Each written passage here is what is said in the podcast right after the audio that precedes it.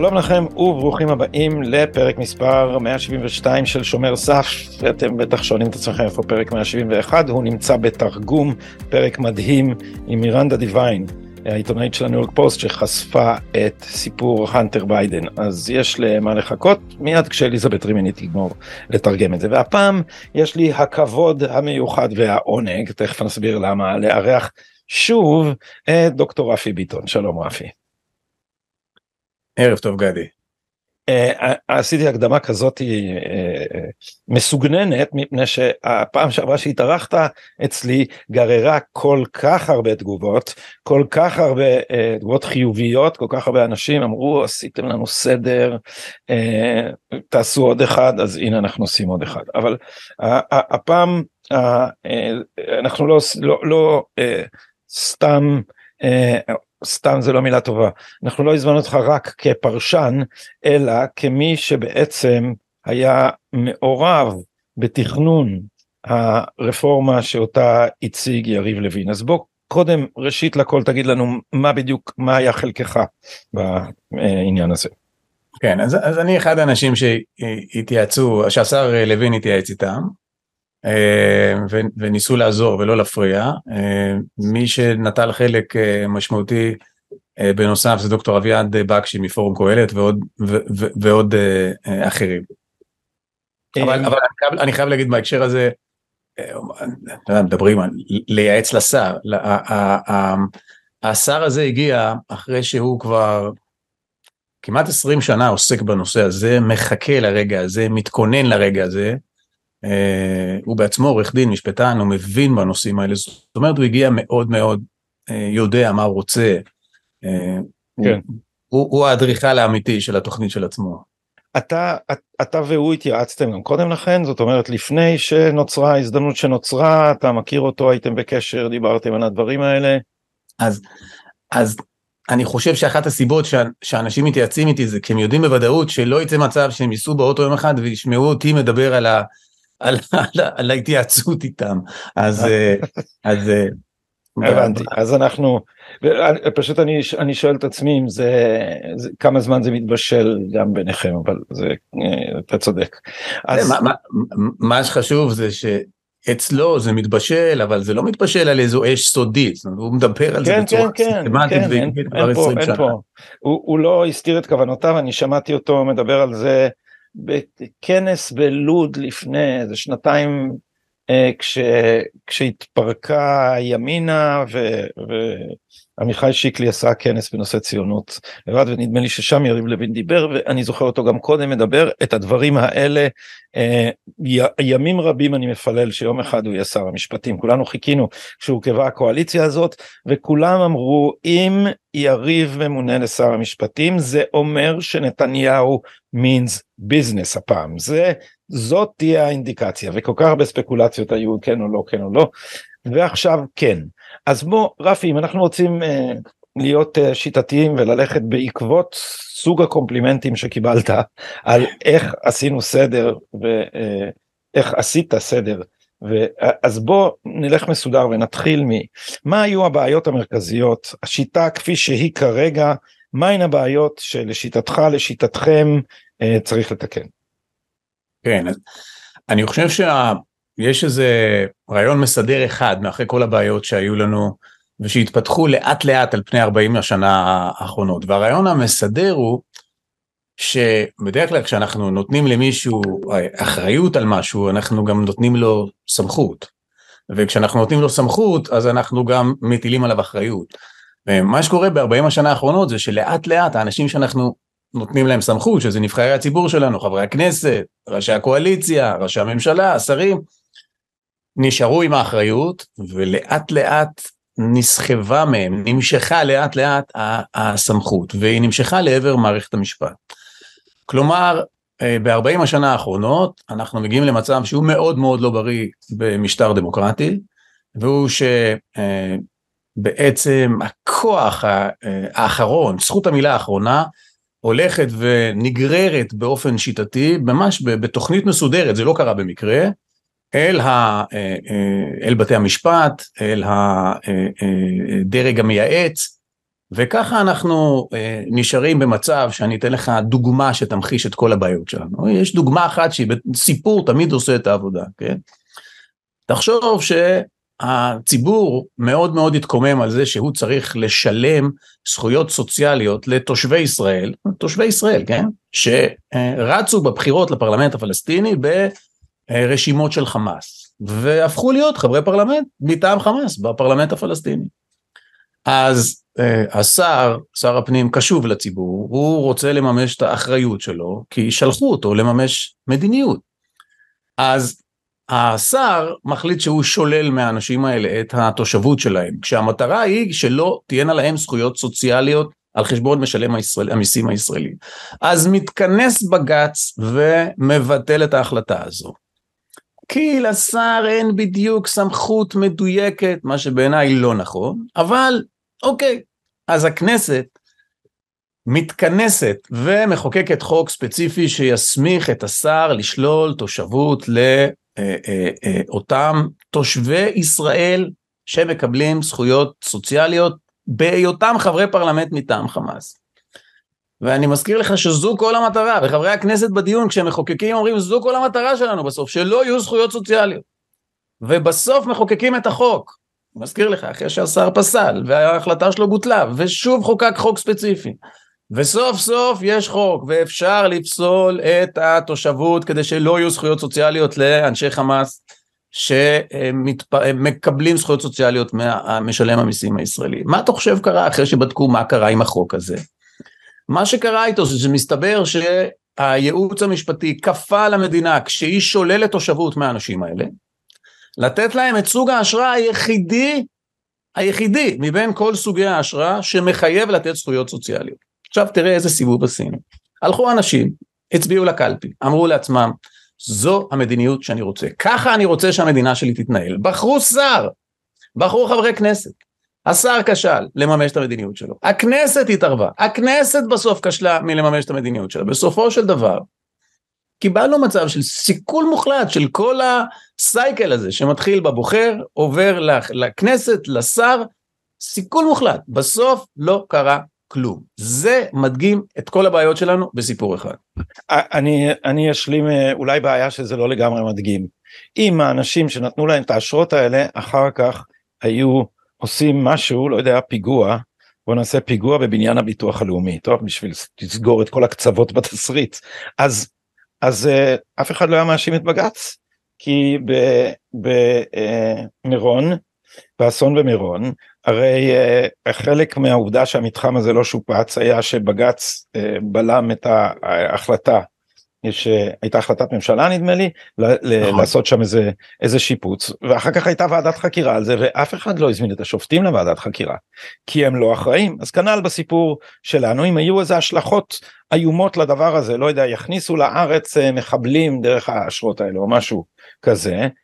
אה, אה, איש לא יבוא בטענות לבג"ץ אז אני חושב שזה סוגר את המעגל כי אני חושב אגב שיש כן. השלכות איומות לסיפור גם בלי שיקרה שום פיגוע. כן. עצם העובדה שהקול בקלפי של אנשים סוכל לגמרי, כן. נותר נתק בין ההצבעה בקלפי לבין היכולת לממש אותה.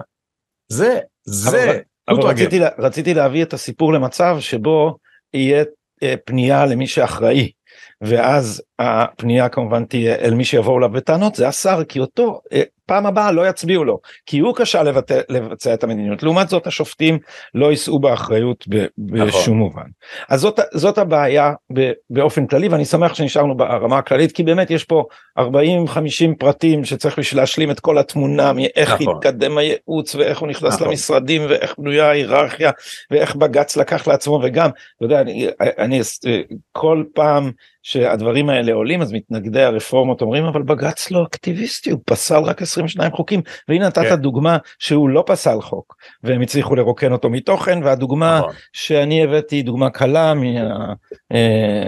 מהספר אה, של יושב ראש ועדת החוקה, חוק ומשפט.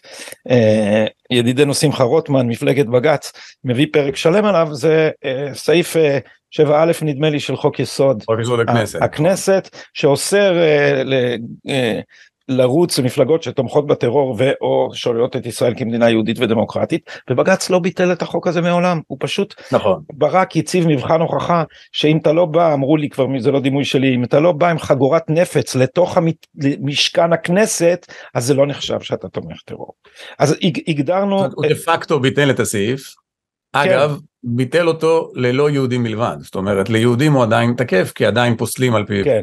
אבל הוא, אה, לא, אבל הוא לא נעשה פה אקט פורמלי של ביטול החוק. נכון. אז עכשיו יש פה מערכת שלמה איך ניגשת הרפורמה לטפל בה אה, ו- ולמה.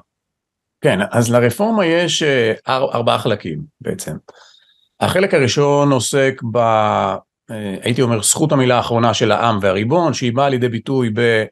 קודם כל איסור על פסילת חוקי יסוד. חוקי היסוד שלנו הם כמו פרקי חוקה, לפחות זה, זה מה שאהרון ברק אמר, כדי להצדיק את פסילת החוקים, אה, ולא מתקבל על הדעת שתהיה פסילה של פרקי חוקה, ולכן המרכיב הראשון ברפורמה הוא באמת איסור על אה, פסילה של חוקי יסוד, יש מרכיב נוסף של אה, הייתי אומר יצירת דיאלוג בין הכנסת לבין בית המשפט העליון ביחס לפסיקה שבית המשפט העליון חושבת שהיא לא חוקתית, חושב שהיא לא חוקתית, במקרים, אה, מה עושים במקרה שבית המשפט פוסל חוק, אה, מסדירים את הכללים לפסילת חוקים, מסדירים את הכללים לזכות המילה האחרונה של הכנסת, אה, איך ומתי, אז זה הזרוע השנייה.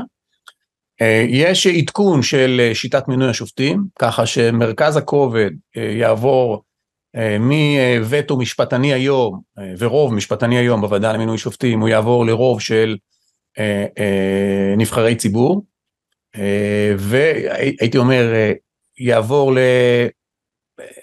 למשקל שווה לכל אחת מהרשויות בתוספת שני נציגים של שיהיו נציגי ציבור ששר המשפטים ימנה. אה, ותבוטל עילת הסבירות שהיא ה...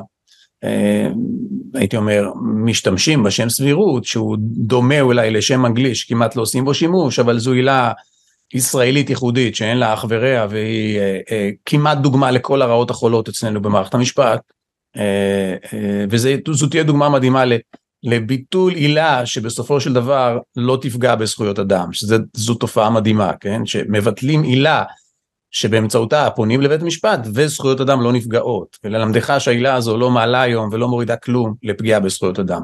אז אלה מרכיבי הרפורמה היום.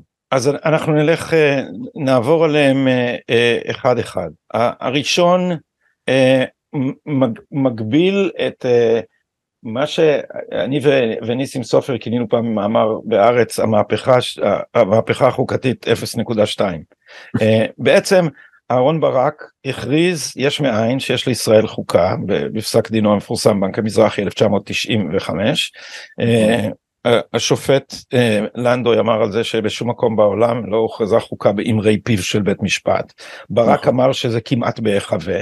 הוא המציא לנו חוקה בדיעבד על בסיס שני חוקי יסוד ואז השעין את כל המהפכה הזאת, את כל המהפכה של אה, אה, הכוח לפסול חוקים על חוקי יסוד של הכנסת. לא חשוב שיתקבלו ברוב רגיל בנוכחות דלילה וכולי וכולי. כל זה מוכר אבל אז בא אסתר חיות. ו... בעצם הרחיבה את זה ל, ליכולת של בית המשפט לדון ב, ואולי לפסול, בכל אופן כבר רוקן מתוכן, אה, חוקי יסוד. על סמך נכון. מה? על סמך באיזה נימוק? כן. פה, פה, פה חייבים להבין משהו על מדרג של נורמות. מדרג של נורמות זה דבר שחשוב להבין אותו. אה, תראה, אנחנו כאנשים פרטיים, אה, אה, כל דבר שאנחנו רוצים לעשות, אנחנו יכולים לעשות אותו, אלא אם כן הוא אסור עלינו. אצל רשויות זה שונה, הן יכולות לעשות רק מה שמותר להן. למעשה, אפשר להגיד שהן לא יכולות לעשות כלום, אלא אם כן זה יותר להן. ואיפה זה מותר להן? בחוק. מאיפה זה מגיע? זה מגיע מזה שאם נניח, עכשיו קוראים לך גדי, מישהו אומר לך, תשמור לי רגע על החנות, כן? אז מן הסתם, אם זו חנות חומרי בניין, בכמה שעות שאתה שומר עליה, או בכמה ימים שאתה תשמור על החנות, מן הסתם לא על דעת עצמך תחליט שאתה עכשיו הופך אותה לחנות למזון טבע, נכון? כי אתה לא הבעלים של החנות. בתור אדם שרק שומר על החנות, אתה מן הסתם תעשה רק מה שהבעלים של החנות מרשה לך. אז בדימוי למדינה, אותו דבר, נבחרי, כל זרועות השלטון לא יכולות לעשות כלום אם הבעלים של החנות שנתן להם בסך הכל לשמור עליה, המדינה, אה, אה, הרשה להם. והבעלים של החנות זה העם, ואיך העם מרשה? באמצעות חוקים. וככה כל רשויות השלטון בעצם לא יכולות לעשות כלום אם הן לא מצביעות על מקור סמכות. זה נהדר אני אני שם לך רק פוטנוט פה כי כי זה זה בדיוק מגדיר מה זה שלטון מוגבל ואחת הבדיחות על הסובייטים זה מה זה טוטליטריות. כל מה שלא אסור חובה. אז אז זה בדיוק מה שמגדיר חברה חופשית שאתה יכול לעשות כל מה שלא אסור עליך והשלטון נכון. ההפך. לא נכון. לא מחברים את השניים. נכון, כן. השלטון ההפך כי הוא נאמן. אוקיי. עכשיו, אה, שר אותו דבר אם הוא רוצה להפקיע אז הוא צריך להצביע על זה שהחוק מסמיך אותו ולכן תמיד הוא יפתח במשפטים כמו בתוקף סמכותי לפי סעיף זה וזה כי הוא צריך להראות מקור של סמכות. בתי משפט לא שונים. אם בית משפט רוצה לפסול חוק עזר עירוני נניח אז הוא צריך איזושהי הסמכה איפשהו אולי בפקודת העיריות שהיא חוק מעליו אוקיי. תמיד צריך איזה משהו מעל שיסמיך אותך אז כשבית המשפט בא לפסול חוקים השאלה הראשונה בדיוק כמו מישהו ששומר על החנות היא איפה הבעלים של החנות הסמיך אותך, איפה המדינה נתנה לך את הסמכות לפסול חוקים. עכשיו, בדרך כלל בכל המדינות, רוב המדינות המערביות, כשיש חוקה, מקור הסמכות לפסול חוקים מגיע ממנה, כי היא מעל חוקים. אוקיי? אצלנו לא הייתה חוקה, אז איך אה, בית המשפט פתר את זה בבנק מזרחי בהובלתו של ברק? צריך להגיד ביושר שהוא לא היה היחידי, אוקיי? למעט השופט אה, חשין שהביע עמדה אה, נוגדת, רוב השופטים היו איתו. אז ברק אמר יש לי, יש לי משהו מעל, יש לי הנחיה כזו, קוראים לה חוק יסוד, אוקיי? עכשיו מה הייתה הבעיה? שהיה ברור לכולם שזה אומר שלפסול חוקי יסוד אין משהו מעל, זה אומר אין שום מקור שנותן לבית המשפט סמכות לפסול חוק יסוד. וככה התנהלנו במשך שנים על פי התפיסה שאומרת אוקיי זה קונטרוברסלי שבית המשפט יכול לפסול חוקים כי יש לו הנחיה מלמעלה יש לו הוא, הוא חושב שיש לו הנחיה. וצריך לומר אין הנחיה מפורשת. הוא הסיק את זה מתוך אין, אה, אין הנחיה מפורשת. כן. נכון הוא הסיק את זה מפסקת ההגבלה הוא הסיק את זה מסעיף 10 הוא הסיק את זה למרות שיש תשובות טובות גם לדברים האלה. יש תשובות להעסקה שלו שאני חושב שלא הייתה מתחייבת אבל לפחות היה לו רק להגיד, להגיד את המושג, פסקת ההגבלה זה אותו סעיף בחוק שאומר שאין לחוקק חוק הנוגד את חוק היסוד, אלא אם כן ב, למטרה ראויה במסגרת אה, מדינת... נכון, ובאופן מידתי, כן, כי, מידתי. כי זה ברור, הרי לא יכול להיות איסור לפגוע בזכויות יסוד, נכון, זה לא יכול להיות, אחרת לא היינו יכולים לגייס אנשים בכוח לצבא ולא היינו יכולים להגיד לאנשים תעמוד ברמזור אדום ולפגוע בחירות שלהם. בעצם מדינה לא יכולה להתקיים אם לא פוגעים מהבוקר עד הערב בזכויות חוקתיות של אנשים. רק יש פגיעה שהיא בסדר, שהיא חוקתית. אם היא למטרה טובה ואם היא מידתית, זאת אומרת אנחנו עושים את המינימום האפשרי שהוא באמת נדרש. אז אותה פסקת הגבלה היא זו שאומרת מתי חוק יכול לפגוע בזכות חוקתית. באמת אם הוא למטרה טובה ואם הוא מידתי. אז ברק השתמש בה כדי להגיד הנה הנה הנה הנה בעל החנות אומר לי שאני יכול לעשות את זה, שאני יכול לפסול חוק. הבעיה הייתה עם, עם לפסול חוקי יסוד, שזה כבר לפסול פרקי חוקה. זו תופעה כמעט אין לה אח ורע בעולם המערבי, הייתי אומר בכל המדינות המתוקנות אין לה אח אה, אה, ורע. אבל זה יצר לבית המשפט של ברק בעיה, למה? כי זה בית משפט שלא יכול לסבול מצב של היעדר עליונות. כלומר מצב שיש נורמה מעליו לא הגיוני בעיניו, כי אז זה אומר שזכות המילה האחרונה לא שלו. ולכן במשך זמן לא קצר, כמו במערת נטיפים, שהטיפה קודחת וקודחת וקודחת, התחילו להניח את הקרקע, עכשיו שהציבור התרגל לזה שפוסלים חוקים עם הסמכה קונטרוברסלית, לזה שיפסלו גם חוקי יסוד עם הסמכה ערטילאית לחלוטין. בכל פעם יש הסבר אחר.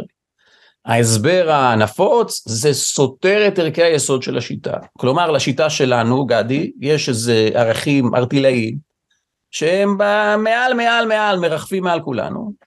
איפשהו בין מגילת העצמאות ל... ל, ל, ל אלוהים. כל אחד וסט הערכים שלו. והשופטים יודעים אותם, הם יודעים לזהות אותם, ועל בסיסם יכולים לפסול גם פרק חוקה, כן? ותמיד נוטים על בסיס כל מיני תוצאות, ש... דעות מבהילות, כן?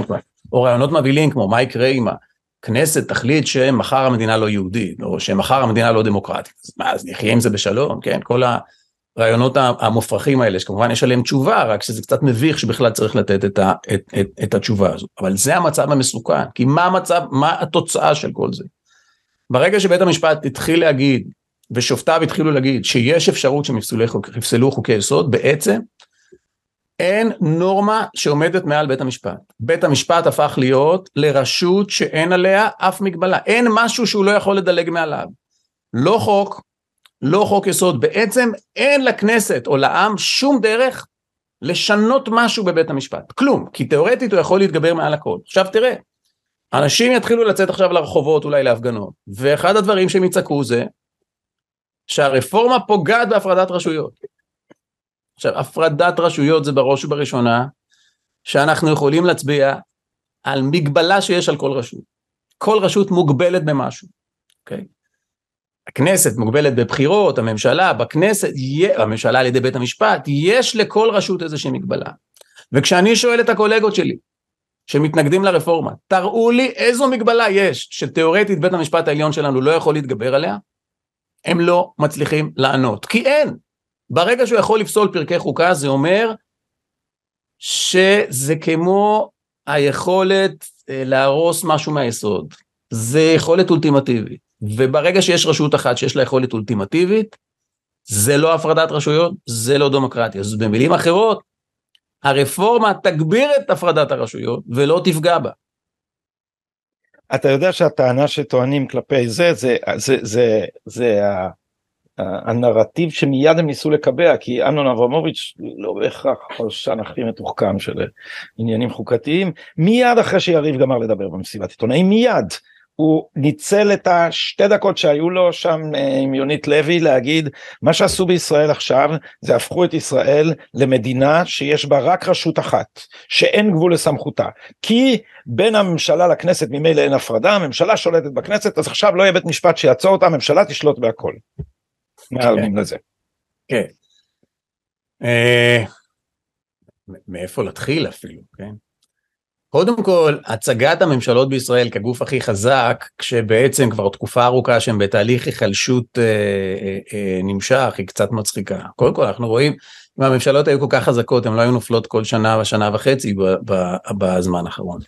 ואנחנו רואים שממשלות בעצם מאוד מאוד מוגבלות תחת הצורך להגיע לקונסנזוס בין המפלגות. אה, בכלל, אם רוצים לראות כמה ממשלות בשנים האחרונות דווקא לא משקפות הומוגניות וכוח בלתי מוגבל, אפשר להסתכל על רשימת שרי המשפטים שהיו ב-10-20 השנה האחרונות, מאוד מאוד מגוונים, היו מימין, היו בשמאל, כלומר הממשלות הן רחוקות מלהיות אה, הומוגניות, אה, למעט זו האחרונה שהיא קצת יותר אה, אה, הומוגנית, אין להן כוח בלתי מוגבל, אה, ואני אגיד יותר מזה, למעשה כשאתה קובע אה, שהכנסת יכולה להתגבר על חקיקה של בית המשפט העליון רק ברוב מיוחד של 61, זה בכלל לא ברור שממשלה תקבל את הרוב הזה, שהיא תמצא את הרוב הזה, מפני שמדובר בעניינים חוקתיים אה, משמעותיים.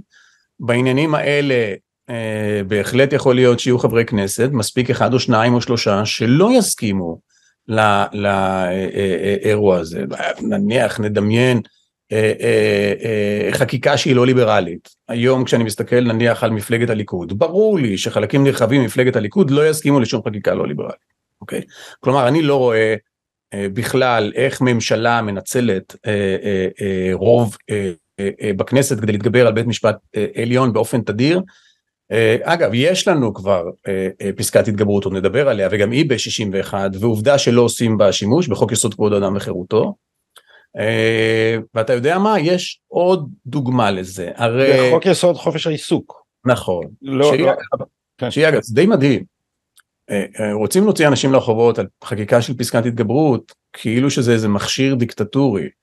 פסקת ההתגברות יובאה לישראל על ידי אהרן ברק. הוא ייבא אותה מקנדה, שהיא נהוגה שם. שם זה ברוב רגיל. אוקיי? אפילו לא רוב 61 אפילו לא רוב מיוחס. וכמעט אוקיי? לא משתמשים בזה אם בכלל. לא השתמשו בה. לא השתמשו בה מעולם. לא השתמשו כן, ו- ולא משתמשים בה, כי בכלל פרלמנטים הם מאוד מאופקים, פרלמנטים דמוקרטיים כמו הכנסת שלנו, הם מאוד מאופקים. אני יכול לתת לך דוגמאות, שבית המשפט נהג ב- ב- ב- ב- בכנסת ב- ב- על גבול גסות הרוח, באמת, אה, אה, כשהיא קובעת להוריד ימי מעצר לחיילים בחוק מעשרה ימים לארבעה ימים, תראה איזה הורדה, הורדה של 60 אחוז. כן, ו- ו- והצבא אומר אני מוכן להמשיך את התהליך, כן? אז, אז בג"ץ אומר לא, לא, זה, זה נראה, ארבעה ימים לא טוב, זה, זה מתנה טובה, לא מספיק טובה המתנה שנתתם פה לזכויות אדם, כן? ת, תורידו את זה ל-48 שעות, והוא מבטל חוק. וביטול החוק הזה אגב, אם הכנסת לא הייתה מחוקקת מחדש, היה מחזיר חזרה לעשרה ימי מעצר, אבל הוא יודע שהכנסת תהיה ממושמעת, והיא תכבד אותו, והיא תלך ותתכנס שוב, ותחוקק שוב, והיא תוריד ל-48 שעות. כלומר, הכנסת היא מאוד מאופקת. בכלל אנחנו יודעים שפרלמנטים בעולם המערבי, גם כשבתי משפט אקטיביסטים מבטלים לממשלות החלטות מנהליות, וזה קורה על בסיס יומיומי, ש, שמבטלים לשרים ולדרג אה, מנהלי החלטות, אנחנו, יש תופעה כזו, יש גם בספרות ניסיונות להסביר אותה, אנחנו יודעים ש, ש, שפרלמנטים לא מתגברים לחוקק ו, ולהתגבר על זה, אפילו על החלטה מנהלית שנפסלת, לא כל שכן על אה, חוק. ההתגברות תהיה תופעה שכמעט לא ישתמשו. הסיבה היחידה שהיא שם זה כדי שלא ישתמשו. אה, אומרים נגדכם אה, מימין או נגד הרפורמה מימין בעצם אישרתם את ההפיכה של אהרן ברק בדיעבד. אה, נתתם לכנסת בפעם הראשונה, זה בשמאל לא מבינים את זה, הכנסת, אה, סליחה, בית המשפט קיבל בפעם הראשונה באופן לגיטימי מהכנסת, אם הרפורמה תעבור, את הסמכות לפסול חקיקה והכרה דה פקטו אה, בכך שחוקי היסוד יהיו חוקה שנבראה באמרי פיו של אהרן ברק. אז מימין יגידו לכם, אתם, אתם בעצם אישרתם את המחטף הלא חוקי של בית המשפט? תראה, אה, כאן צריך להגיד מה הייתה הנחת המוצא לעבודה על התוכנית הזו. ההנחה של השר לוין אה, ושל לדעתי כל מי שהיה בחדר היא אה, שזה לא אמצעי של שכר ועונש. כלומר, השאלה לא אם בית המשפט עשה משהו שהוא הוא לא היה מוסמך לו שהוא תקין או לא תקין והאם צריך להגיב לזה, אלא השאלה היא מה טוב, מה נכון. כי עיצוב חוקתי לא עושים במסגרת ריב עם מישהו, עיצוב חוקתי עושים להרבה זמן, אה, למין מצב רולסיאני שכזה, שבו אתה לא יודע אם אתה תהיה בשלטון או אתה תהיה במיעוט, אתה לא עושה את זה בשבילך או נגד היריב שלך, אתה עושה את זה למצב ארוך טווח שאתה מאמין שהוא הטוב ביותר אה, לניהול הרשויות. אה, אה, ולכן לא, לא עמדה פה בכלל השאלה של האם צריך לגמול לבית המשפט על האמצעים הלא תקינים שבהם הוא עשה ביקורת חוקתית, אלא השאלה הראשונה הייתה האם ביקורת חוקתית באופן עקרוני זה דבר טוב במדינה ליברלית? והתשובה הייתה כן, באופן עקרוני ביקורת חוקתית היא דבר טוב, זאת אומרת אם הכנסת לפעמים אולי, או פרלמנט לפעמים אה, אה, מגזים, או לפעמים יכול לפגוע אה, בזכויות יסוד, טוב שיהיה עוד מישהו שיפקח, זה בסדר שעוד מישהו יבחן את זה, אבל יש לזה תנאים. קודם כל התנאי הראשון הוא שאותו מישהו צד אובייקטיבי, הוגן, שנמצא איפשהו באמצע בין הצדדים, וכך לא משנה מי בשלטון, הוא בוחן באותה צורה את הפגיעה בזכויות היסוד. צריך גם לקחת עוד כמה דברים בחשבון. אגב, יש משהו כמו, הייתי אומר, הרוב המוחלט של מדינות המערב מנהיגות ביקורת חוקתית. זאת אומרת, הן מאפשרות לבתי המשפט לבחון אה, אה, תוקף של חוקים. נכון, אצלם יש בדרך כלל חוקות אה, נוקשות וסגורות, ואצלנו לא, ולכן אצלנו יש מסלול של התגברות שהוא מסלול איפשהו באמצע, כי אנחנו איפשהו באמצע. זה לא שיש לנו אפס חוקה, יש לנו חוקי יסוד, אבל אין לנו גם חוקה שלמה, ולכן אנחנו מאפשרים ביקורת חוקתית, אבל בתנאים קצת יותר, אה, הייתי אומר, מגבילים, בתנאים קצת יותר זהירים מאשר, כי אנחנו במצב אמצע.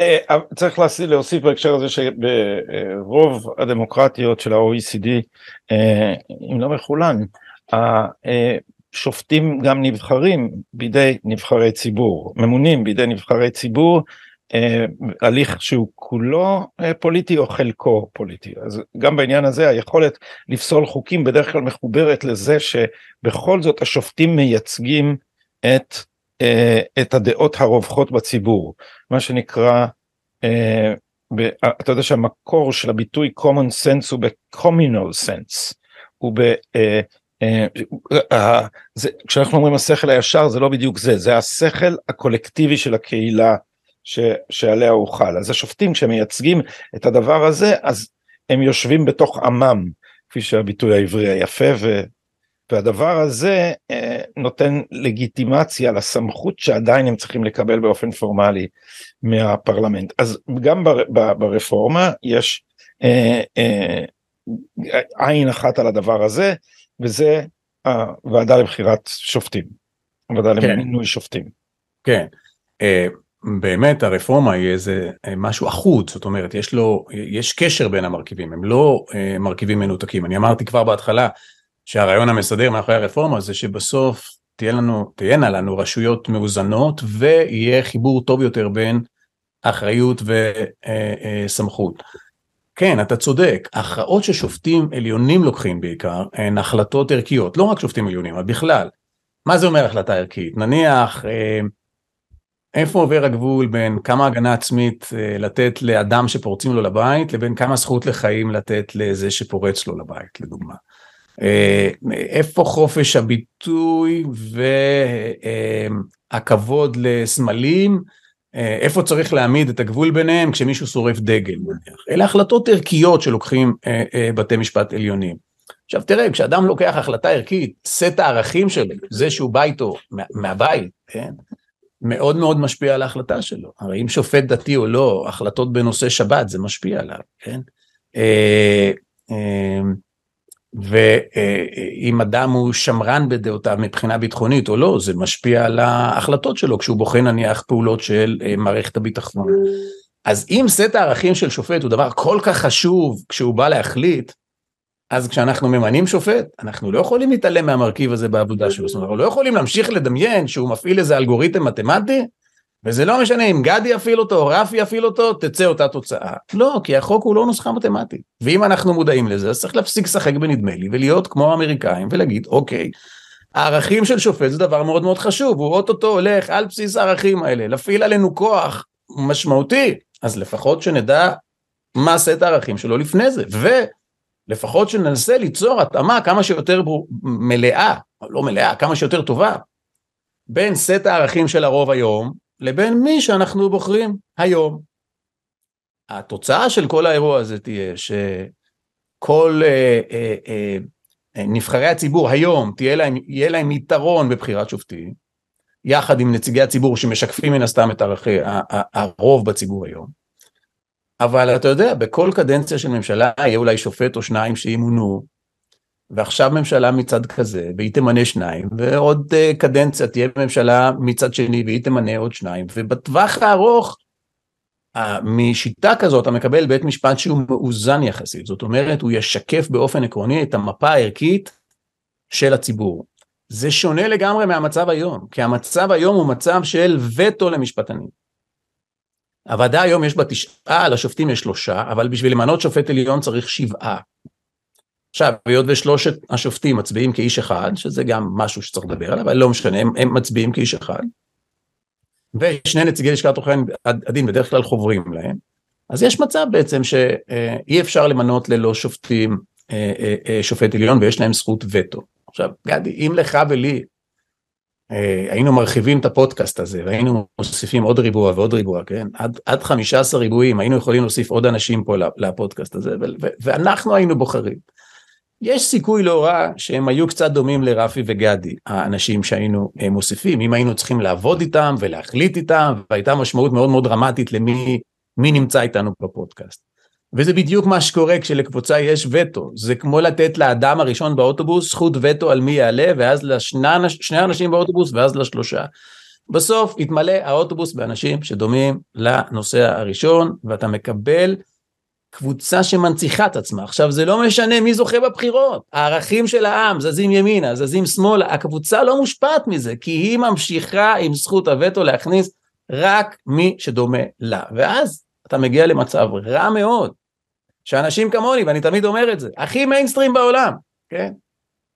אה, אה, נולדתי פה, גדלתי פה, הייתי לוחם בצבא, אני משלם מיסים, אני מלמד באקדמיה, אני באמת לא אדם קיצוני.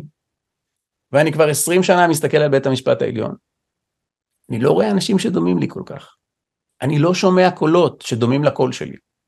ומצב כזה, אם זה רק אני אז זה בסדר, אבל אם יש קבוצה גדולה שמרגישה כמוני, זה מצב רע מאוד, כי בסוף הגוף הזה מחליט החלטות מאוד דרמטיות. הן משפיעות על כמה הילדים שלנו, כמה החיילים שלנו מקבלים הגנה בזמן לחימה, הן משפיעות על היעילות הכלכלית של המדינה הזו, הן משפיעות על מדיניות ההגירה של המדינה הזו, הן משפיעות על ביטחון הפנים של המדינה הזו, הן משפיעות פוליטית בשאלה מי יהיה שר ומי לא, מי יכהן ומי לא. רכבת מתל אביב לירושלים הם משפיעים בסופו של דבר, אוקיי. עכשיו מצב שבו יש קבוצה שיש לה כוח אדיר והיא מפעילה אותו יום יום יום יום אבל חלק גדול מהעם לא כל כך מזדהה עם הערכים, לא מזדהה כל כך עם הסגנון, לא מרגיש שהוא רואה את עצמו שם, מצב מאוד מאוד גרוע. ואני אומר לך, אנשים אומרים שהרפורמה באה לפרק את מערכת המשפט, זו טעות ענקית. הרפורמה שעשה אהרן ברק על פני 40 שנה, השינויים שהוא עשה, הם הובילו את מערכת המשפט לסף פירוק. הרפורמה הזו, הנזכרת המרכזית ממנה תהיה, לא, לא יהיה צד מסוים בפוליטיקה הישראלית, הנזכרת העיקרית ממנה תהיה מערכת המשפט. מפני שברגע ששופטים יגיעו לוועדת חוקה, חוק ומשפט ויעשו שימוע, ויהיה אפשר לשאול אותם על העמדות שלהם בנושא אה, דת ומדינה ומשפט, ביטחון ומשפט, ביטחון פנים ומשפט, מדיניות מעצרים ומשפט. הציבור ידע מי הולך להפעיל עליו כוח, וברגע שהציבור יודע שנציגיו בוחרים את האנשים האלה, הוא גם יקבל את זה שפעם אחרת נציגים של צד אחר יבחרו את האנשים האלה. והוא יקבל את הגוף הזה כלגיטימי, וכשהגוף הזה יפעיל כוח ויחליט גם נגד דעתו, הוא יקבל את זה. אומרים על הוועדה, אמר אה, דניאל פרידמן על ההצעה של, אה, של השר לוין לגבי הרכב של הוועדה למינוי שופטים, שיש שם בעצם שליטה מוחלטת או קרובה לכך אה, לקואליציה. האם אתה עכשיו אומר יש קואליציה כזאת ויש קואליציה כזאת, האם לא מן הראוי, כפי שמציע למשל דניאל פרידמן, שיהיה ייצוג יותר גדול גם לאופוזיציה? תראה, אה, זה דבר פחות מקובל בעולם, מה, ש, מה שדני פרידמן מציע. אה, ברוב העולם המערבי, מי שבוחר כמעט באופן אבסולוטי את שופטי הערכאה העליונה הם נבחרי ציבור. אה, ובדרך כלל, בדרך כלל זה הזרוע המבצעת, כלומר לא אופוזיציה. בארצות הברית לדוגמה הנשיא בוחר אותם, הסנאט מאשר אבל הנשיא בוחר. בחלק גדול ממדינות המערב זה שר משפטים שבוחר, ולפעמים פרלמנט מאשר כן או לא. אה, בצרפת חלוקה מעורבת של ראשי הרשויות, נניח נשיא שלושה, ראש הבית הראשון שלושה, ראש הבית השני שלושה. אה, מעורבות אופוזיציה פחות אה, מקובלת. עכשיו, צריך לזכור עם זאת שב... השיטה הזו תהיה בהכרח מעורבות של אופוזיציה גם בטווח קצר גם בטווח ארוך. בטווח קצר כי השיטה אה, אה, החדשה מעגנת מקום לאופוזיציה מה שלא היה קודם. אה, שלושת הנציגים של הכנסת יהיו שלושה ראשי ועדות שאחד מהם זה ראש ועדת ביקורת המדינה והוא תמיד של האופוזיציה בהגדרה. לכן יהיה נציג של האופוזיציה וצריך לזכור שהאופוזיציה של היום היא שר המשפטים של מחר. והיא אז תייצג את רוב הציבור מבחינה ערכית, ואז היא, אה, יהיה לה אולי יתרון בזמן אה, אה, מינוי שופטים, ובטווח הארוך אנחנו נקבל בית משפט אה, אה, מאוזן. אז אה, השלב אה, אה, הבא, או האיבר הבא בגוף המאוחד הזה של הרפורמה, נוגע לייעוץ המשפטי.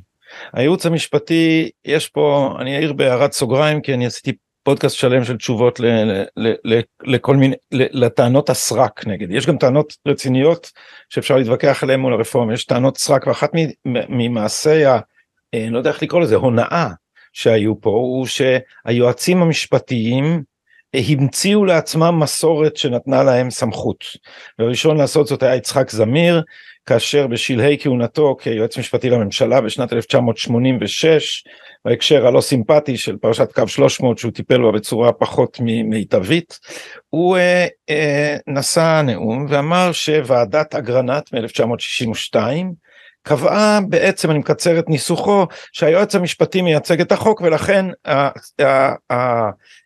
נבחרי הציבור צריכים לציית לחוק, כלומר צריכים לציית ליועץ המשפטי. הוא ייחס את זה לוועדת אגרנט, וזה לא היה שם.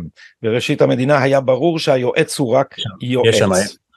יש שם, כן. יש שם ההפך, יש שם ההפך, הוא, הוא אמר את ההפך אגרנט ואחר כך היועץ הזה היה אה, גדעון האוזנר ואימצו את זה בהחלטת ממשלה והיועץ אמר בישיבת הממשלה איך זה העליתם על דעתכם שאני, שאני אתיימר להיות מעל הממשלה ולהגיד לממשלה הנבחרת מה לעשות, דבר שהוא טריוויאלי אבל עכשיו ברור לכולם שיועץ משפטי העצה שלו מחייבת כי אחרת מי ישמור על נבחרי הציבור המושחתים החשודים העקומים שלא יעברו על החוק. אז אני לא זוכר אם אמרתי את זה בהתחלה אבל אחד היסודות של הרפורמה הוא כמובן אה, שהעצה המשפטית של היועמ"ש תוגדר באופן אה, מוחלט כלא לא אה, עצה מחייבת כפי שהמילה עצה מלמדת בסוף המשפט הוא, הוא, הוא רוכב על מילים. אם, המשפט, אם למילים לא יהיה ערך למשפט לא יהיה ערך. להגיד להפוך עצה לפקודה או להפוך עצה להוראה זה פשוט להפוך עצה ללא עצה. עכשיו מצב שבו יועץ משפטי הוא העצה שלו מחייבת הוא מצב בלתי נסבל אה, מפני ש... מהרבה סיבות. קודם כל מפני שהוא לא נושא באחריות. מי שלא נושא באחריות לא יכול להיות עליון למי שנושא באחריות. זה זה דבר חשוב מאוד. דבר שני אין לו גם מומחיות. אה, הוא גם לא נמדד בהצלחה של פעולה ממשלתית כלשהי. אה, למעשה אפשר להגיד שהוא אפילו נמדד קצת בכמה הוא עצר יכולים לבוא אליו בטענות רק בלמה לא עצרת, בלמה אישרת, בדרך כלל לא באים אליו בטענות. אז יש לו איזה אינסטינקט ראשוני של, אה, טבעי כמעט, של להגיד לא. אמ, גם אין לזה אח ורע בעולם, שיועצים משפטיים הם אה, עליונים לשרים או לממשלה, זאת פשוט תופעה בלתי אה, מתקבלת על הדעת. אני כבר לא מדבר על ההשלכות של זה, רק, רק תחשבו ש... אה, נניח עצה משפטית גוברת ב, ב, על, על, על החלטה של רמטכ"ל או על החלטה של אה, ראש שב"כ זה פשוט דבר שהוא בלתי מתקבל על הדעת. האיש עם הכי פחות ידע בחדר, עם הכי פחות הבנה, הכי פחות אחריות, הוא זה שבידיו אה, אה, מצויה הסמכות. אז ברור שעצה משפטית של יועמ"ש חייבת להיות מוגדרת כעצה. עכשיו צריך להגיד משהו על זה.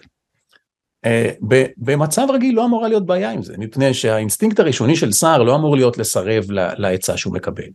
אבל התנאי לזה הוא שהעצה ניתנת בתום לב, ושהיא באמת מסתמכת על דין. זאת אומרת, אם יבוא היועץ המשפטי לשר ויגיד לו, תראה, יש פה סעיף מפורש שאומר שאסור לנו לעשות משהו, אז השר אין לו שום סיבה לקחת את האחריות עליו. צריך להבין את המשמעות של מה שאמרתי עכשיו, כי המשמעות של לדחות עצה של יועץ משפטי זה לקחת אחריות עליך. אמרנו, סמכות ואחריות הולכים ביחד. ולכן אין לשר סיבה לקחת על עצמו אחריות, אלא אם כן הוא משוכנע שמה שהוא שמע כרגע זה קשקוש ולא עצה משפטית. אז, אז במצב נורמלי הם אמורים להיות חברים טובים. היועץ המשפטי יעזור לשר לממש את המדיניות שלו, ימנע ממנו לעבור על החוק, ואין סיבה לשר לסטות מזה. אבל אם היועץ המשפטי יבוא ויתחיל לקשקש קשקושים של אה, אה, קושי משפטי ומניעה משפטית וערכי היסוד של השיטה, יוכל השר בנסיבות האלה. וסבירות, וסבירות, זה חורג לא ממתחם לא הסבירות, נגיע כן. לסבירות. לא דיברנו מילה על סבירות. עכשיו תראה, מבהילים אותנו כל הזמן, כן, אמרת קודם על פרשנים מסוימים, כן, שומרי סף, אנחנו פוגעים בשומרי סף, הם יהיו מינויים מטעם, אה, אה, אה, בעצם שרים יוכלו לעבור על החוק מעכשיו ואף אחד לא יגיד להם לעצור, הרי אין, אין קשקוש גדול מזה. קודם כל אם שר החליט החלטה לא חוקית, ברוך השם אנחנו חיים במדינה שבתי המשפט לא רק פתוחים אלא פתוחים יותר מדי, אז אה, אה, יפנה מי שנפגע מההחלטה הזו לבית המשפט, ואנחנו יודעים שבישראל גם פונה מי שלא נפגע מההחלטה לבית המשפט, ובית המשפט יעצור את ההחלטה, אז קודם כל לא, לא אלמן ישראל ויש מבקר מדינה ויש תקשורת ויש כנסת שמפקחת, יש המון המון דרכים לפקח על שר ונתחיל מההתחלה בזה ששר בכלל לא רוצה לקחת על עצמו אחריות שתסבך אותו חלילה בפלילים או במישור המינהלי, זאת אומרת זה בכלל לא בכלל לא אמור להגיע לשם אה, אה, לכתחילה. עכשיו, חלק גדול מהפוזיציה הזו שנוצרה ליועצים משפטיים על בסיס הביטוי שבעיניי הוא ביטוי אה, מומצא שנקרא שומרי סף. כל הביטוי הזה תכליתו לתאר את ה... אה, כל מי שבמשרד, כולל השר, כחמסנים שרק מחפשים אה, איך שומר הסף ששומר עליהם, רק מחפשים את השנייה שהוא מסיט את עינו כדי שהם יוכלו לטבול בשומן ולקחת, רק לקחת. עכשיו, מי ששומע את התיאור הזה אומר לעצמו, חבל שאי אפשר שיהיה לנו עולם מושלם שבו לא יהיה כן. יועץ משפטי אחד שומר סף ועוד הרבה אחרים, חבל שאי אפשר שכל המשרד יהיה שומרי סף כאלה נאצלים, ואז מצבנו היה מושלם, לא הייתה לנו בעיה. אבל אתה יודע מה מצחיק, גדי? זה לא עולם דמיוני. יש מקומות שבהם כל העובדים הם שומרי סף. לדוגמה, פרקליטות המדינה. לדוגמה, חלק גדול מיחידות משרד המשפטים. שם, אלה משרדים שבאמת כמעט כל המנהלים הם שומרי סף, נכון? עכשיו, מישהו באמת יכול להגיד לי ששם הדברים מתנהלים כל כך טוב כמו בעולם הדמיוני שדימינו, שבאמת ריבוי שומרי סף הוא, הוא, הוא ערובה לניקיון אה, אה, אה, גדול, בכלל. אנחנו חושבים על מערכת המשפט כל הזמן כי נחוצה לשמירה על זכויות, היא אכן נחוצה לשמירה על זכויות. אבל האם המערכת הנוכחית עושה עבודה כל כך טובה בזה? בוא נחשוב על אירועים שבה, שהם הם רובם, או דברים שהם רובם בידיים של מערכת המשפט. לא יודע, אני חשבתי על שומרת הסף רות דוד פתאום. אז, אז אתה יודע מה, היא הבעיה הקטנה. כמה שזה נשמע מוזר, היא הבעיה הקטנה. כי יש חלקים בעולם שלנו שהם כל כולם בידיים של מערכת המשפט. לדוגמה, כל העניין של אכיפה פלילית. מעצרים וחקירות וניהול משפטים וניהול כליאה. ומישהו מתרשם שזה מתבצע בצורה כל כך טובה, שבאמת המערכת בחלקה שלה בלי התערבות כנסת, בלי התערבות ממשלה, מישהו מתרשם שזה, שזה כל כך מעולה שם? כנראה שלא. אז בכלל את הבלוף הזה של אה, שומרי סף, צריך להפסיק ממנו, היומרנות הזו של איזו עליונות מוסרית, היא דבר לא טוב, היא מפריעה ליועץ המשפטי לעשות את העבודה שלו. כי כשניגשים לעבודה בלי עליונות מוסרית, בלי איזושהי אג'נדה אה, אה, נסתרת, בלי איזה ביצור כוח כל הזמן שעובדים עליו, דווקא שם אפשר להגיע להרמוניה ודווקא שם יקבלו שיתוף פעולה יותר טוב מהשרים בעיניי. כן, עליונותו המוסרית של אה, שי ניצן מעולם לא נראתה במיוחד משכנעת. אמ, אבל אה, אמ, אם אנחנו אה, רוצים בכל זאת איזון מסוים בין הרשויות באפיק הזה של הייעוץ המשפטי. אם אנחנו הופכים את היועצים המשפטיים למשרות אמון, אה, האם יש סכנה שאנחנו פה מזעזעים את הבלמים של המערכת? הרפורמה שהשר הצהיר עליה. אני אתן לך משהו קיצוני, מישהו ממנה את אה, אה, חבר שהוא הכיר מבית ספר למשפטים כי הוא רוצה לתת לו ג'וב אז עכשיו כן. זה, זה לא, זה לא, יכול, לא יכולה להיווצר פה בעיה? כן. תראה, קודם כל העובדה, בוא, בוא, בוא נעשה קצת סדר. קודם כל הרפורמה שהשר הצהיר עליה לא, לא עוסקת בנושא של דרכי מינוי של יועצים משפטיים, מסתובבות הצעות, הצעות אחרות שמדברות על זה. אבל גם אם אה, ההצעות שאני שומע, לדוגמה שמנכ"ל משרד ימנה את היועץ המשפטי אה, של המשרד, אני לא רואה בזה שום אה, בעיה. קודם כל צריך לזכור ש... כללי המשפט המנהלי לא מבוטלים. זאת אומרת, השר עדיין אה, מחויב אה, לפעול בדרך שאוסרת עליו לפעול בניגוד עניינים, כמו לדוגמה הדוגמה שנתת. הוא לא יכול למנות את החבר שלו ללימודים. הוא עדיין צריך לפעול בתום לב, הוא עדיין צריך להימנע מלשקול שיקולים זרים, הוא עדיין אסור לו להפלות אנשים. במובן הזה שום דבר לא הולך להשתנות. עכשיו, נניח שיהיה יועץ משפטי, מה, מה בעצם אומרים לנו? שאם המנכ"ל ימנה את היועץ המשפטי, היועץ המשפטי יהיה תלוי בו, כן? אז הוא יטה את שיקול דעתו בשביל השר. אה, אה, אה, קודם כל, אנחנו צריכים לראות מה יהיו בדיוק דרכי המינוי, אבל די, מה בעצם אומרים לנו? שיועץ משפטי מסוגל להטות את החוק בגלל אג'נדה אישית? אז מה זה אומר? שהוא מסוגל להטות את החוק גם מאג'נדה פוליטית? אה, הרי יועצים משפטיים מתמנים, יש להם תפיסת עולם, נכון? מה, מה, מה רוצים להגיד לנו המבקרים? שבעצם כבר היום יועצים משפטיים מטים את הדין לפי האג'נדה הפוליטית שלהם? אם זה לא הגיוני, למה שהם יעשו את זה מאג'נדה... אה, אה, אני, אתן לך דוגמה, כשהדבר, אחד הדברים הכי מסמרי שיער בעיניי שיועץ משפטי אי פעם אמר. מני מזוז לימים שופט עליון, אחר כך התפטר, כמעט מונה ליושב ראש הוועדה למינוי בכירים, דבר שלמרבה המזל נפסל, כי הוא ממנים את האיש הזה עכשיו לשמונה שנים, בזמן ממשלת מעבר הוא היה תוקע הרבה הרבה מקלות בגלגלים אבל הוא היה בכנס בוון ליר. ושם בכנס הזה בוון ליר אני אתה יודע אני קראתי קראתי על זה בוויינט לא הייתי בכנס אבל כשהפשפתי את העיניים אמרתי אני אני קראתי את זה עכשיו אני חלמתי.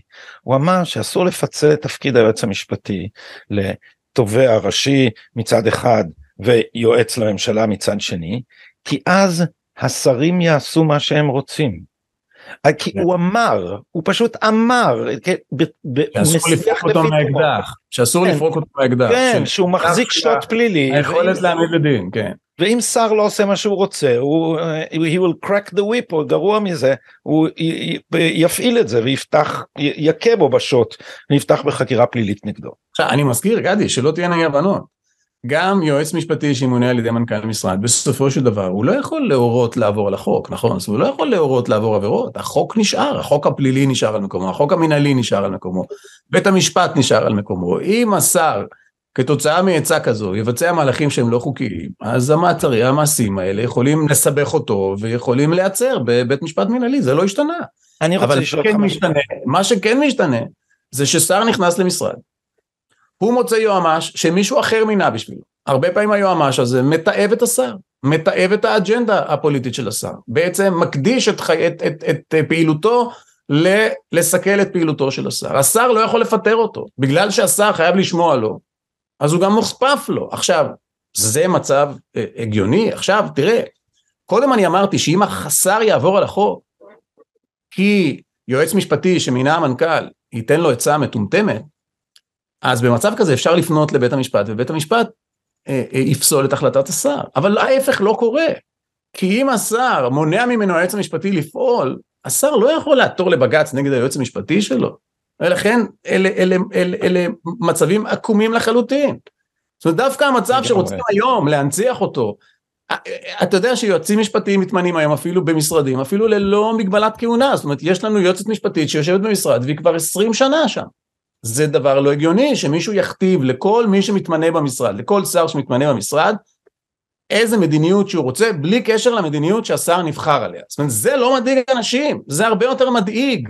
אני אגיד לך, זה לא מדאיג את האליטה, כי אני, אני ואני רוצה לשאול אותך פה, מכיוון שאתה אה, עוסק בדברים האלה ומכיר גם חלק מהנפשות הפועלות ונמצא בקהילה המשפטית כבר הרבה שנים, זה קהילה כזה כבר, זה עם אתוס, זה גדלו פה על האתוס של אהרן ברק. בעצם מה שיש מאחורי זה, זה לא באמת נימוקים, לא על הדמוקרטיה, ולא על בלמים ואיזונים, ולא על uh, ביטול זכות הבחירה של הג'ינג'ים.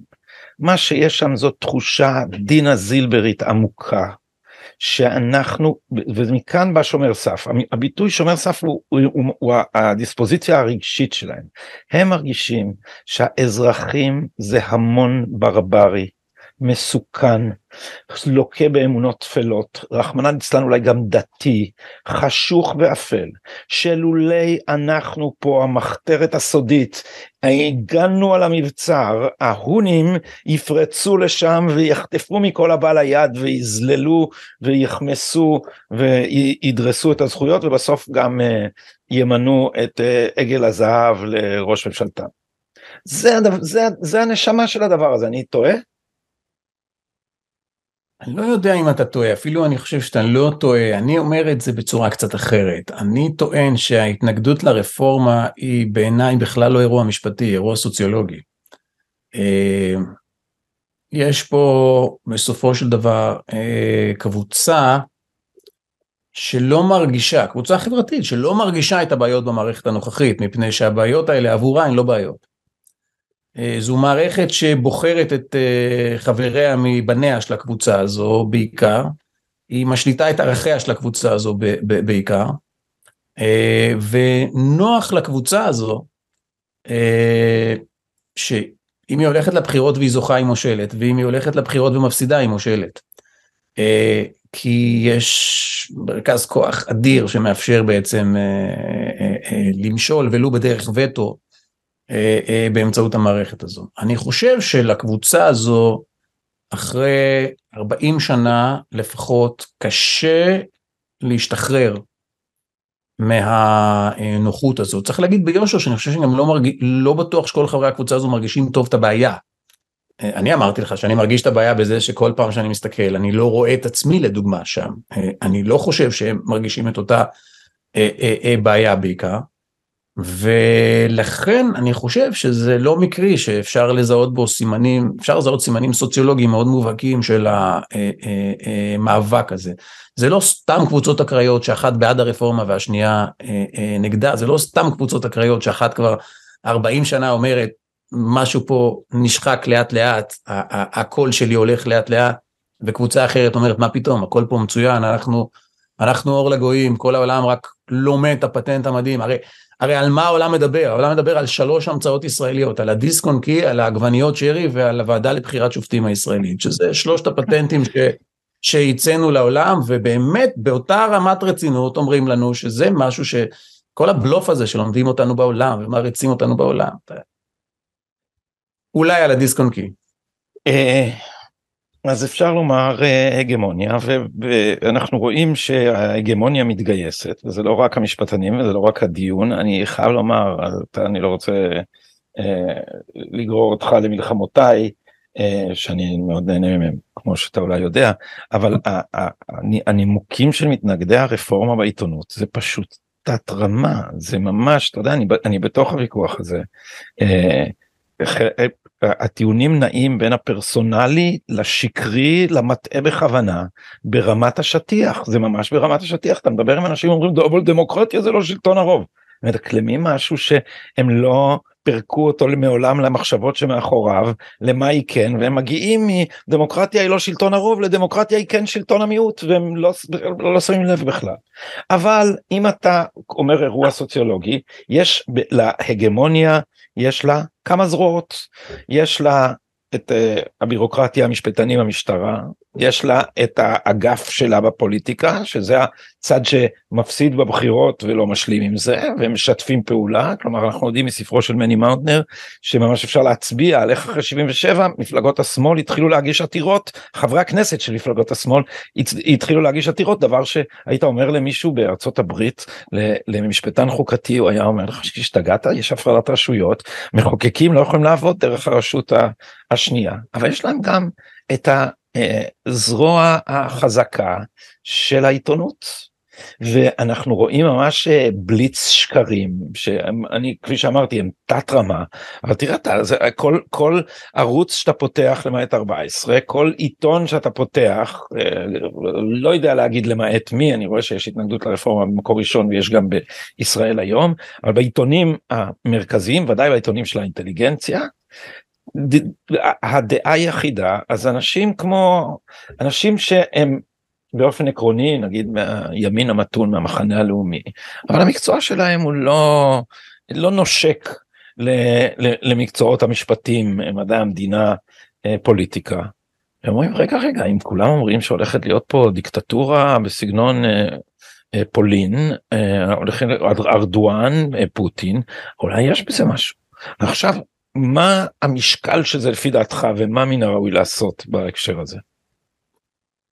קודם כל אני חושב שצריך להפריד בין האנשים שטוענים את הטיעונים האלה שמזהירים מדיקטטורה וכולי, שתכף אני אגיד על זה כמה מילים גם ברמה, ברמת הטיעון, כן? צריך להפריד בינם, שאני חושב שחלקם הגדול יודע שאלה טיעוני שווא וטיעונים מופרכים, לבין הציבור. אני לא, אני לא, אני לא, מזל, לא חושב שאתה זלזלת, אבל אני לא מזלזל בציבור שבאמת חושש. זאת אומרת, אני אה, אפילו חושב שה... אה, טוב, טוב היה שהציבור היה יודע שבדיונים על הרפורמה, הדאגות שלו היו הכי הרבה על השולחן, זאת אומרת שזה אה, דבר שמתייחסים אליו ברצינות וצריך לענות עליו אה, ברצינות. אני לא מזלזל באזרח שחושש כי הוא שומע בתקשורת לכן אני לגמרי לא מזלזל בו ואני צריך להסביר לו למה לא תהיה פה שום פגיעה במידת הדמוקרטיות. אז, אז אולי, אולי נפריך קודם כל איזה, איזה, איזה אה, טיעון שהוא שוב ושוב אה, אה, אה, חוזר. הטענה שבעצם עכשיו הפרלמנט יכול לחוקק מה שהוא רוצה, בית המשפט לא יוכל לפסול את זה, ולצורך העניין יכולה להיות פה עריצות של הרוב נגד המיעוט, כן? אז אה, צריך להגיד שזה לא נכון לא ברמת מה שהפרטים שהרפורמה אה, כוללת, וזה לא נכון גם ברמת, ה, אה, אה, הייתי אומר, ברמת הרציונל. קודם כל בוא נדבר ברמת הרציונל. מה ששומר על אה, זכויות של מיעוט בדמוקרטיה, זה לגמרי לא סעיף כזה בחוק יסוד או סעיף אחר, זה לא רוב כזה בפסקת התגברות או רוב אחר, זה לא מה ששומר על המיעוט. וזה לא מה ששומר על בית המשפט. מה ששומר על המיעוט ומה ששומר על בית המשפט זה למרבה הפלא הרוב. הרוב פשוט מסכים להגביל את עצמו. אה, הרוב הוא זה שמקבל בסוף את ההגבלה החוקתית על עצמו, הוא זה שאומר לבית המשפט, את יודעת מה? אתה יודע מה בית משפט? תשמור עליי. אם אני קצת סוטה, תשמור עליי, תחזיר אותי חזרה לנתיב, אוקיי? אם אז... אני שותה, תנהג אתה. בדיוק, כן, אבל אה, אז זה אומר קודם כל שלא בית המשפט שומר על המיעוט, זה הרוב שומר על בית המשפט ואומר לו תשמור על המיעוט, אוקיי? וצריך להגיד עוד דבר, שמה שקובע לכן את, אם תהיה פה דמוקרטיה או לא זה לא סעיף כזה בחוקה ולא סעיף אחר. אנחנו מכירים מדינות עם חוקות מדהימות שהפכו להיות דיקטטורות נוראיות ואנחנו מכירים מדינות שאין להן חוקה בכלל כמו אנגליה ובית משפט לא יכול לפסול שם חוקים ויש שם יופי של דמוקרטיה. למה? כי מה שקובע את, הדמוק... את מידת הדמוקרטיות של מדינה זה לא פרקי החוקה זה התודעה הדמוקרטית של עם וכל עוד יש תודעה דמוקרטית לעם, לא משנה מה כתוב בחוקה. וכל עוד, ואם משתנה התודעה הדמוקרטית של עם, והוא מחליט, או איזו קבוצה חזקה בו צוברת כוח, ויש לה כוונות עברייניות ודיקטטוריות, ויש לה את הכוח לממש את זה, גם אז לא משנה מה כתוב בחוקה. כי שום דבר ושום פסק דין ושום צו לא יכובד על ידה ושום מערכת משפטית לא תכובד על ידה. הרי למערכת המשפטית אין, אין, אין כוח צבאי משל עצמה לאכוף את הדמוקרטיה, היא תלויה ברוב. ולכן רק כל עוד הרוב משמר דמוקרטיה, תהיה פה דמוקרטיה. וצריך... הרוב, הרוב דמוקרטי אצלנו לפי דעתך? הרוב, דמ... הרוב אצלנו לא רק שהוא דמוקרטי, הוא מקומה של המדינה עם תודעה דמוקרטית.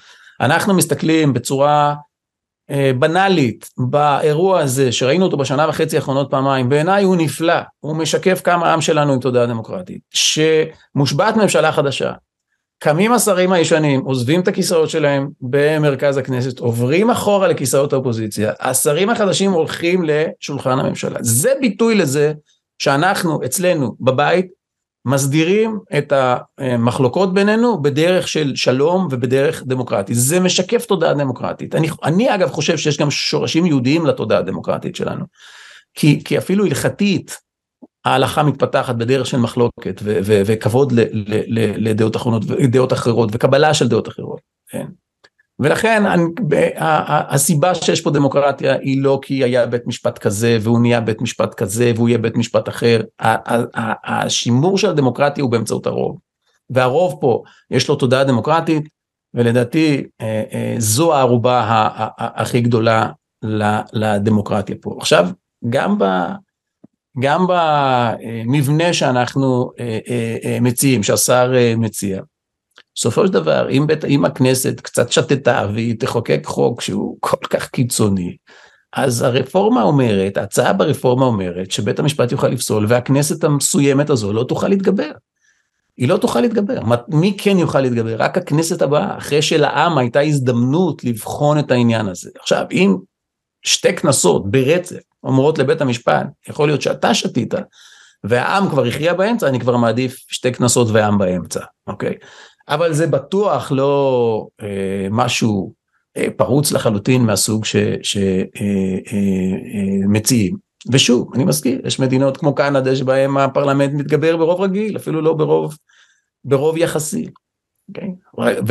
ומבהילים אותנו כל הזמן שאנחנו בדרך להיות הונגריה, הונגריה, כן? כאילו ש... כאילו שכולם באמת יודעים מה המצב בדיוק בהונגריה, כן? אבל, אבל ב, הכי מצחיק אותי שאומרים, אם תהיה פה פסקת הגבלה לא של 65, אלא 61, אנחנו נגלוש להונגריה. ולמה נגלוש? כי לנו אין חוקה נוקשה, שקשה לשנות אותה, ואנחנו לא חברים בבית הדין האירופי לזכויות אדם וכולי וכולי. בהונגריה צריך שני שליש מהפרלמנט כדי לשנות חוקה, זה המקביל אצלנו לפסקת התגברות ב-80. ואתה יודע ש... הונגריה בבית הדין האירופי לזכויות אדם. נו, זה רק מוכיח שמה שקובע את מידת הדמוקרטיות של, של עם, של מדינה, זה העם, לא, לא, לא פרקי החוקה. אני, יש לי הרבה מה להגיד על הונגריה ואני אחסוך את זה, אני לא קורא הונגרית ואני לא מומחה למשפט אה, קונסטיטוציוני בגרמניה, בהונגריה, אבל למדתי על כך לא מעט בכמה שבועות האחרונים שהייתי בביקור שם. אחד הדברים המדהימים הוא שהשמאל מאיים שאם הוא יגיע לשלטון הוא ישנה את החוקה בלי הרוב של שני שליש. הקביעה שצריך שני שליש קדמה לדמוקרטיה בהונגריה. היא uh, מממשלת ההסכמה של תום הקומוניזם. ואגב, המצחיק היה שם בית משפט, אני רק זורק את זה בתוך פרפראות, בית המשפט המקורי, א', נשיא בית המשפט אמר, אין דבר שבית המשפט הזה לא יכול לעשות. נשמע מוכר, ושנית הוא אמר, יש invisible constitution, חוץ מהחוקה יש החוקה הבלתי נראית. אמרתי להם, עקרונות היסוד של השיטה, בול, בול. אה, אז... אה, אני לא, אני לא טוען שהמצב שם הוא בסדר או לא בסדר, אני, אני, אני לא... גם אני לא, לא, לא מספיק בשביל להביע דעה. אני רק אומר שמצחיק אותי שנותנים את הדוגמה הזו. אה, בלי לדעת, בלי לדעת, אנשים שנותנים אותה גם לא יודעים, אתה רואה הונגריזציה, וזה אנשים לא, לא מבינים. הנה, זו מדינה עם חוקה נוקשה, עם חברות בבית הדין האירופי לזכויות אדם, נו, חברות באיחוד האירופי, נו. כן, שם זכויות להט"בים, שם אה, אה, נפגעו אה, פגיעות שאנחנו לא היינו מקבלים אותן. אז יש לנו, נותרה לנו עילת הסבירות כדי לסגור את המעגל ואחר כך אני רוצה לשאול אותך על כמה עניינים אחרים לסיום, בקצרה נעשה מבזק כזה של עניינים שנותרו פתוחים אחרי הסיבוב הראשון של הרפורמה היו לה עוד שלבים. אז על עילת הסבירות שמענו בכל העיתונים מה אתם רוצים על מה אתם מדברים. עילת הסבירות התקיימה מאז ומעולם ירשנו אותה מאנגליה עם המשפט האנגלי מראשית בית המשפט השתמשו בה אז מה על מה אתם אה, צועקים. כן, טוב, זה, אה, אין קשר בין עילת הסבירות שיש אצלנו היום לעילה האנגלית, זה צריך להגיד, חוץ מהשמן כמעט לא, לא משתפות כלום, אבל אולי נסביר בשתי מילים מה בעייתי בכלל בעילה כזו שבוחנת סבירות של החלטה. תראה, באופן עקרוני, אה, בית משפט מנהלי, אה, כמו בג"ץ לדוגמה, הוא יכול לבחון החלטה של רשות מנהלית. מה זה רשות מנהלית? הממשלה, השר, מנהל בית חולים, כל אחד שיש לו חלק מהזרוע המבצעת ויש לו סמכויות. אבל איך בית המשפט המנהלי בוחן החלטות מנהליות? הוא בוחן בעיקר את התהליך. אה, זה קצת כמו להגיד, אה, בוחנים את המעטפה, לא את המכתב. זאת אומרת, בוחנים איך ההחלטה התקבלה, שלא שקלו שיקולים זרים, שלא הפלו מישהו. שים לב, זה כמעט לא בוחן את התוכן של ההחלטה, רק את הצורה של קבלת אה, ההחלטה. בוחרים, בוחנים שלא היה ניגוד עניינים לדוגמה, אוקיי? אה, מה ששונה בעילת הסבירות זה שהיא פעם ראשונה מאפשרת לשופט ממש לבחון את התוכן של ההחלטה. נניח, עכשיו החליט אלוף פיקוד העורף שהוא ממגן כיתות בעוטף עזה בשיטה, אה, אה, הייתי קורא לה אזורית, לא בשיטה של מיגון מלוא הכיתות, הוא רצה למגן את רוב הכיתות ולא את כולן, תוך כדי ששאר התלמידים ירוצו לכיתות המוגנות אם צריך. אומר לו בית המשפט, אני חושב שההחלטה שלך לא סבירה. הוא לא אומר לו שהוא הפלה, שהוא שקל שיקולים זרים, שום דבר בפרוצדורה, בדרך שההחלטה התקבלה, לא היה לו בסדר, הכל בסדר. בעצם הדבר שלא בסדר זה התוכן של ההחלטה. עכשיו, דבר אחד מאוד בסיסי בבתי משפט מערביים בעולם הוא ששופטים לא בוחנים את התכנים של ההחלטה, זאת אומרת הם לא נכנסים בנעליים של איש המינהל ואומרים טוב נניח שאני הייתי מחליט במקומו מה הייתי מחליט. כי אין לשופט מומחיות, ומה אמרנו קודם? אין לו אחריות.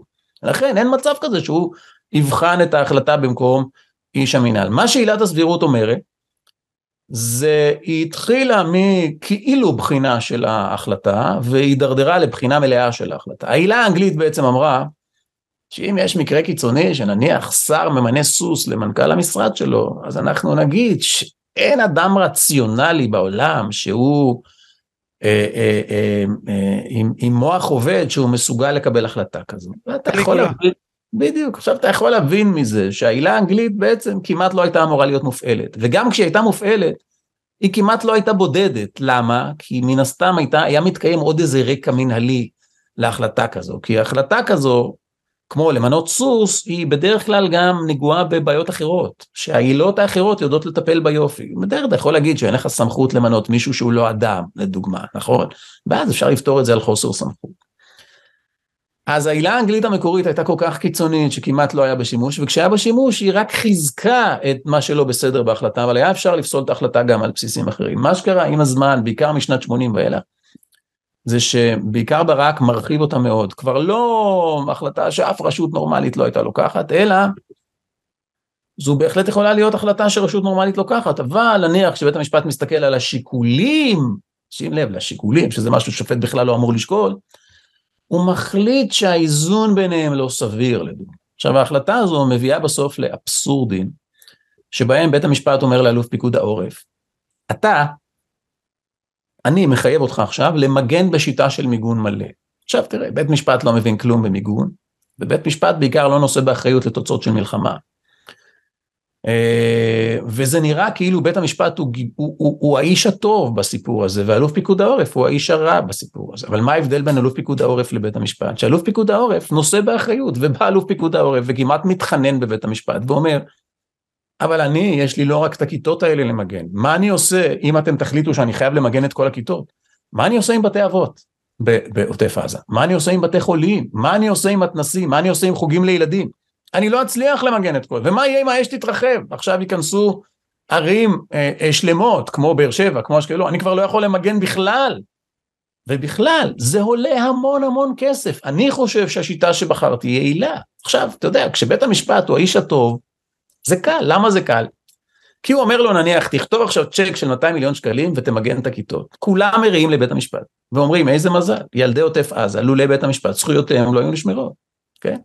כי בית המשפט אומר זה לא סביר, למה זה לא סביר? כי אלוף פיקוד העורף לקח החלטה שהיא לגמרי בסדר, הוא, הוא בחן את הכל, הוא שקל את הכל, הוא לא היו לו שיקולים זרים, הוא היה בסדר לגמרי, זה פשוט ההחלטה המקצועית שלו. ואז בא בית המשפט ואומר לו, בפוזיציה הכי כיפית בעולם אגב, הכי כיף זה להגיד תכתבו צ'ק, הכסף לא ממני. מאיפה תיקחו אותו? לא אכפת לי. עכשיו הוא גם לא רואה את התמונה הכוללת. תראה כמה זה רע שבית משפט משתמש בעילת הסבירות, כי הוא לוקח החלטה במקום האלוף, אבל הוא לא יודע את כלל השיקולים, כי יכול להיות שבמטה הכללי עכשיו, האלוף שומע שחסרים 200 מיליון שקלים כדי לקנות שכפ"צים לחיילי חטיבת גולני. נו, לבית המשפט זה לא משנה, הוא לא רואה את התמונה הכוללת, הוא לא יודע מאיפה לוקחים את ה-200 מיליון שהוא אמר לקחת, הוא רק אומר למי לתת, הוא רק האיש הטוב. וזה דבר שהוא בלתי מתקבל על הדעת. עכשיו אומרים אנשים, רגע, אז מה יהיה אם נבטל את עילת הסבירות? אז לא יהיה מי שיגן אה, אה, אה, במצבים כאלה שהרשות לוקחת החלטה כל כך רעה? אז קודם כל, אנחנו ממנים רשות כדי שתיקח החלטה ואנחנו ממנים שופטים כדי שיקחו החלטות. וצריך לזכור שגם שופטים לקחים החלטות בלתי סבירות. רק הייתה לנו היה לנו שופט ש... או שופטת שהחליטו שכשמחבל נועץ עד הסוף סכין של שמונה סנטימטר בלבד בגב של מישהו כנראה לא הייתה לו כוונה לרצוח. זו נראית לך החלטה סבירה גדי? אני חושב שלא. נו אז גם שופטים יודעים לקחת החלטות לא סבירות אתה יודע כמה החלטות לא סבירות? יש לנו עכשיו שופט לשעבר, הוא גם היה יועץ משפטי לממשלה, אז בכלל אפשר לחשוב עליו כשחושבים על עצה לא מחייב, מחייבת של יועץ משפטי, כן? יש לנו יועץ משפטי לשעבר, שופט לשעבר. אדון בן יאיר מסתובב בעולם וכותב באנגלית לכולם שמדינת ישראל היא מדינת אפרטהייד. נו, אז הסבירות שלו היא בהכרח יותר טובה מהסבירות של אלוף פיקוד העורף? אנחנו בהכרח צריכים להעדיף את זה? תכנתו אותנו לקבל את זה כמובן מאליו, שאם החלטה לא נראית לנו של שר, אנחנו צריכים ללכת לשופט. מה פתאום, המשפט זה המקום האחרון ללכת אליו. יש לנו מבקר מדינה, יש לנו תקשורת, יש לנו כנסת כגורם מפקח, יש לנו, אי אפשר לפנות לשר עוד פעם, יש המון צורות. כי אנשים חושבים על בית המשפט, אנשים חושבים על בית המשפט רק כבלם ולא כגלגל ולא כרשות. הוא, ואז המציאו מכונית שנוסעת רק עם בלמים, אין לה גלגלים. אז כי כל העסק יעמוד רק על הבלמים הליברליים נגד הרוב ורצון הרוב לעולם לא יתממש. כי באמת אנשים חושבים אתה יודע היה לי ויכוח כזה עם בני בגין מעל דפי עיתון הארץ. אמר אבל אם אם לא אם בית המשפט ייחלש אז מי אה, אה, אה, הוא ישתמש בזה הטעיה של המילה ינטר נדמה לי. מי יבדוק ויבקר את הרשויות האחרות? כאילו אותם לא צריך לבקר זה דבר לחלוטין אה, פנטסטי. אני אני אני בסדר גדי שבית משפט ינטר. גם אחרי הרפורמה הוא ינטר להפך. אחרי הרפורמה הוא יקבל יותר לגיטימציה לנטר. כי שיטת המינוי שלו תהיה לגיטימית יותר. והוא יתעסק יותר הוא לא יתעסק בסבירות אז זה אומר שכשהוא יחליט אז באמת יש פגם. וזה בסדר גמור. אם יפלו אזרח אחרי הרפורמה הוא יוכל לקבל סעד. ואם ישקלו שיקולים זרים או ייקחו החלטה בניגוד עניינים נגדו הוא יוכל לקבל סעד אבל תיפסק אי הוודאות המוזרה הזו, שבה תמיד כדאי לעתור, כי אולי השופט באמת יסכים איתי שזה לא סביר, אוקיי? למה לא? הרי סבירות מאפשרת, מאפשרת בעצם לנסות תמיד, אין סיבה שלא לנסות, מה שגורם גם ל, ל, ל, לסתימת בית המשפט באינסוף תביעות. בכלל, זה משקף משהו לא טוב שהתחנכנו עליו, שהחברה שהמשפט הוא הדבר הראשון שהיא פונה אליו, זה חברה לא בריאה, כי המשפט הוא לא מוסד בריא לטיפול בבעיות. הוא מוסד כוחני, הוא מוסד אלים, הוא מוסד עם ידיים גסות, הוא לא יודע לטפל ברגישות בדברים, המוסד, המשפט, בגלל זה הוא לא מתאים ליחסים בין בני אדם, ליחסים בין חברים, נכון, הרי במשפחה, כשפונים למשפט זה אומר שזה משהו נחשב, כן. אז, אז גם כחברה, אם האינסטינקט הראשון שלנו זה לפתור את כל הבעיות שלנו, ממיגון ורכבות ועד ביטחון באמצעות בית המשפט, משהו לא בסדר אצלנו, זה צריך להיות last resort, מוצא אחרון, ולא הדבר הראשון שאנחנו פונים אליו. אז לסיום רפי אה, בוא נעשה במבזק כמה עניינים שלא טופלו ברפורמה הזאת. אה, אה, נושא זכות העמידה בית המשפט העליון פרץ לחלוטין את התחום הזה ובעצם אפשר את התערבותו הפוליטית על ידי זה שכל אחד יכול להגיש עתירה כיותר ציבורי גם אם הוא לא נפגע. הפרקליטות הצליחה לפרק את גוף הביקורת שהיה עליה ואת התוצאות ההרסניות של זה אנחנו רואים אחת הנגזרות גם גם ביטול אה, מח"ש אה, ושלישית אה, הפרת עבירת הפרת מרמה והפרת אמונים. אני רוצה להתחיל ממנה מפני שכל איך גם משפטנים מצד שמאל היו כותבים פעם שזה דבר בלתי נסבל שיש עילה כל כך עמומה שמאפשרת בעצם למשפטנים ליירט ליירט אה, נבחרי ציבור שלא מוצאים חן בעיניהם, וכמי שאומר עדיין שלא תופרים תירים רבה, שלא תופרים תיקים רבה, כולם לא אוהבים את הביטוי, יירטו פה פוליטיקאים על ימין ועל שמאל, זה, זה ברור, האנשים מתוך המערכת אמרו את זה, מנדלבליט אמר את זה, מזוז כשהוא נכנס אמר סימון מטרות, ואיך קרה? אה, גיוס עמדות וסימון מטרות. אה, ועם זאת אני אגיד לך מה אני חושש בתור אזרח ואולי זה לא אני לא רוצה שאם יבטלו את עילת את, את עבירת המרמה והפרת אמונים. ואם אישום השוחד במשפט נתניהו אכן יתמוטט כמו שאנחנו רואים זה לא קשור לרפורמה אני גורר אותך פה לתחום הפוליטי. אתה יכול לא להגיב אתה יכול מה שאתה רוצה. אני לא רוצה שהמשפט ייפסק. אני גם כי אני חושב כי מוכח, מוכרחות לצאת העבירות אבל גם כי אני חושב שבמדינה שבה כבר הוגש מהסיבה הזאת התנגדתי לעסקת טיעון עם uh, משה קצב שבסוף דחה אותה כזכור. אבל התנגדתי כשמישהו שהוא סמל השלטון או איש כל כך מרכזי מאשימים אותו במשהו חמור הדבר הזה לא יכול להיסגר חפלפ ולבטל משפט כזה באמצע זה דבר בעיניי עם השלכות טקטוניות.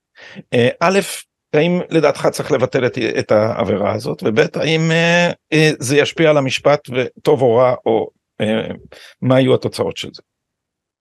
טוב, אני, אענה על העבירה, אני לא אענה על ההקשר של המשפט, אני, אענה על העבירה מפני שהעמדה שלי ידועה והיא ידועה עוד מזמן שבס. אה, אה, אני חושב שהעבירה הזו היא נוראית.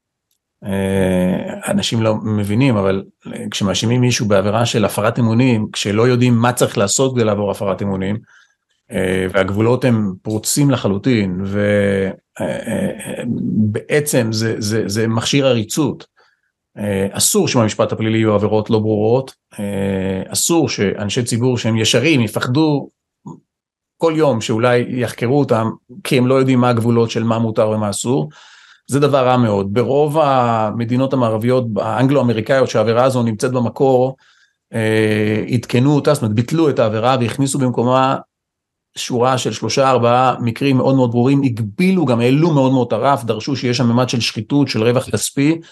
אה, אה, רוב תיקי ההפרת אמונים בארץ לא היו עוברים בקנדה לדוגמה, כן, אה, אה, ולא היו עוברים באנגליה, וללא ספק צריך לעשות את זה וצריך לעשות את זה מהר. יש המון דברים לעשות, 40 שנה שהמשפט הישראלי הולך ונפרמים הגבולות שלו, לתפור אותם מחדש זה, זה, זה לא יקרה רק בשלב א', צריך עוד שלבים. אני מקווה שהשלבים הבאים כבר יהיו, ב, ב, אני מקווה שגם השלב הזה, אבל אני מקווה שככל שינקוף הזמן ואנשים יראו ש, ש, שלא רק שאין פה גלישה לדיקטטורה, אלא להפך, שהדמוקרטיה מתחזקת, שיש יותר שקט משפטי, יותר לגיטימציה, פחות ויכוח סביב המערכת הזו, המערכת תצא נזכרת, אה, אה, היא תהיה מאוזנת יותר, אני חושב שגם יקבלו, יבינו, אה, שצריך לעשות שינויים שהם לטובת כולם, זה לא שינויים סקטוריאליים או מגזריים, זה, זה, זה קצת מזכיר לי את, את, את, אני זוכר את הימים האלה ששמעתי שוד הגז, שוד הגז, כל, לכל מקום שהלכתי, או שוד הגז, לוקחים לנו, לא יהיה לנו, לא יהיה חשמל, לא יהיה גז, לא יהיה...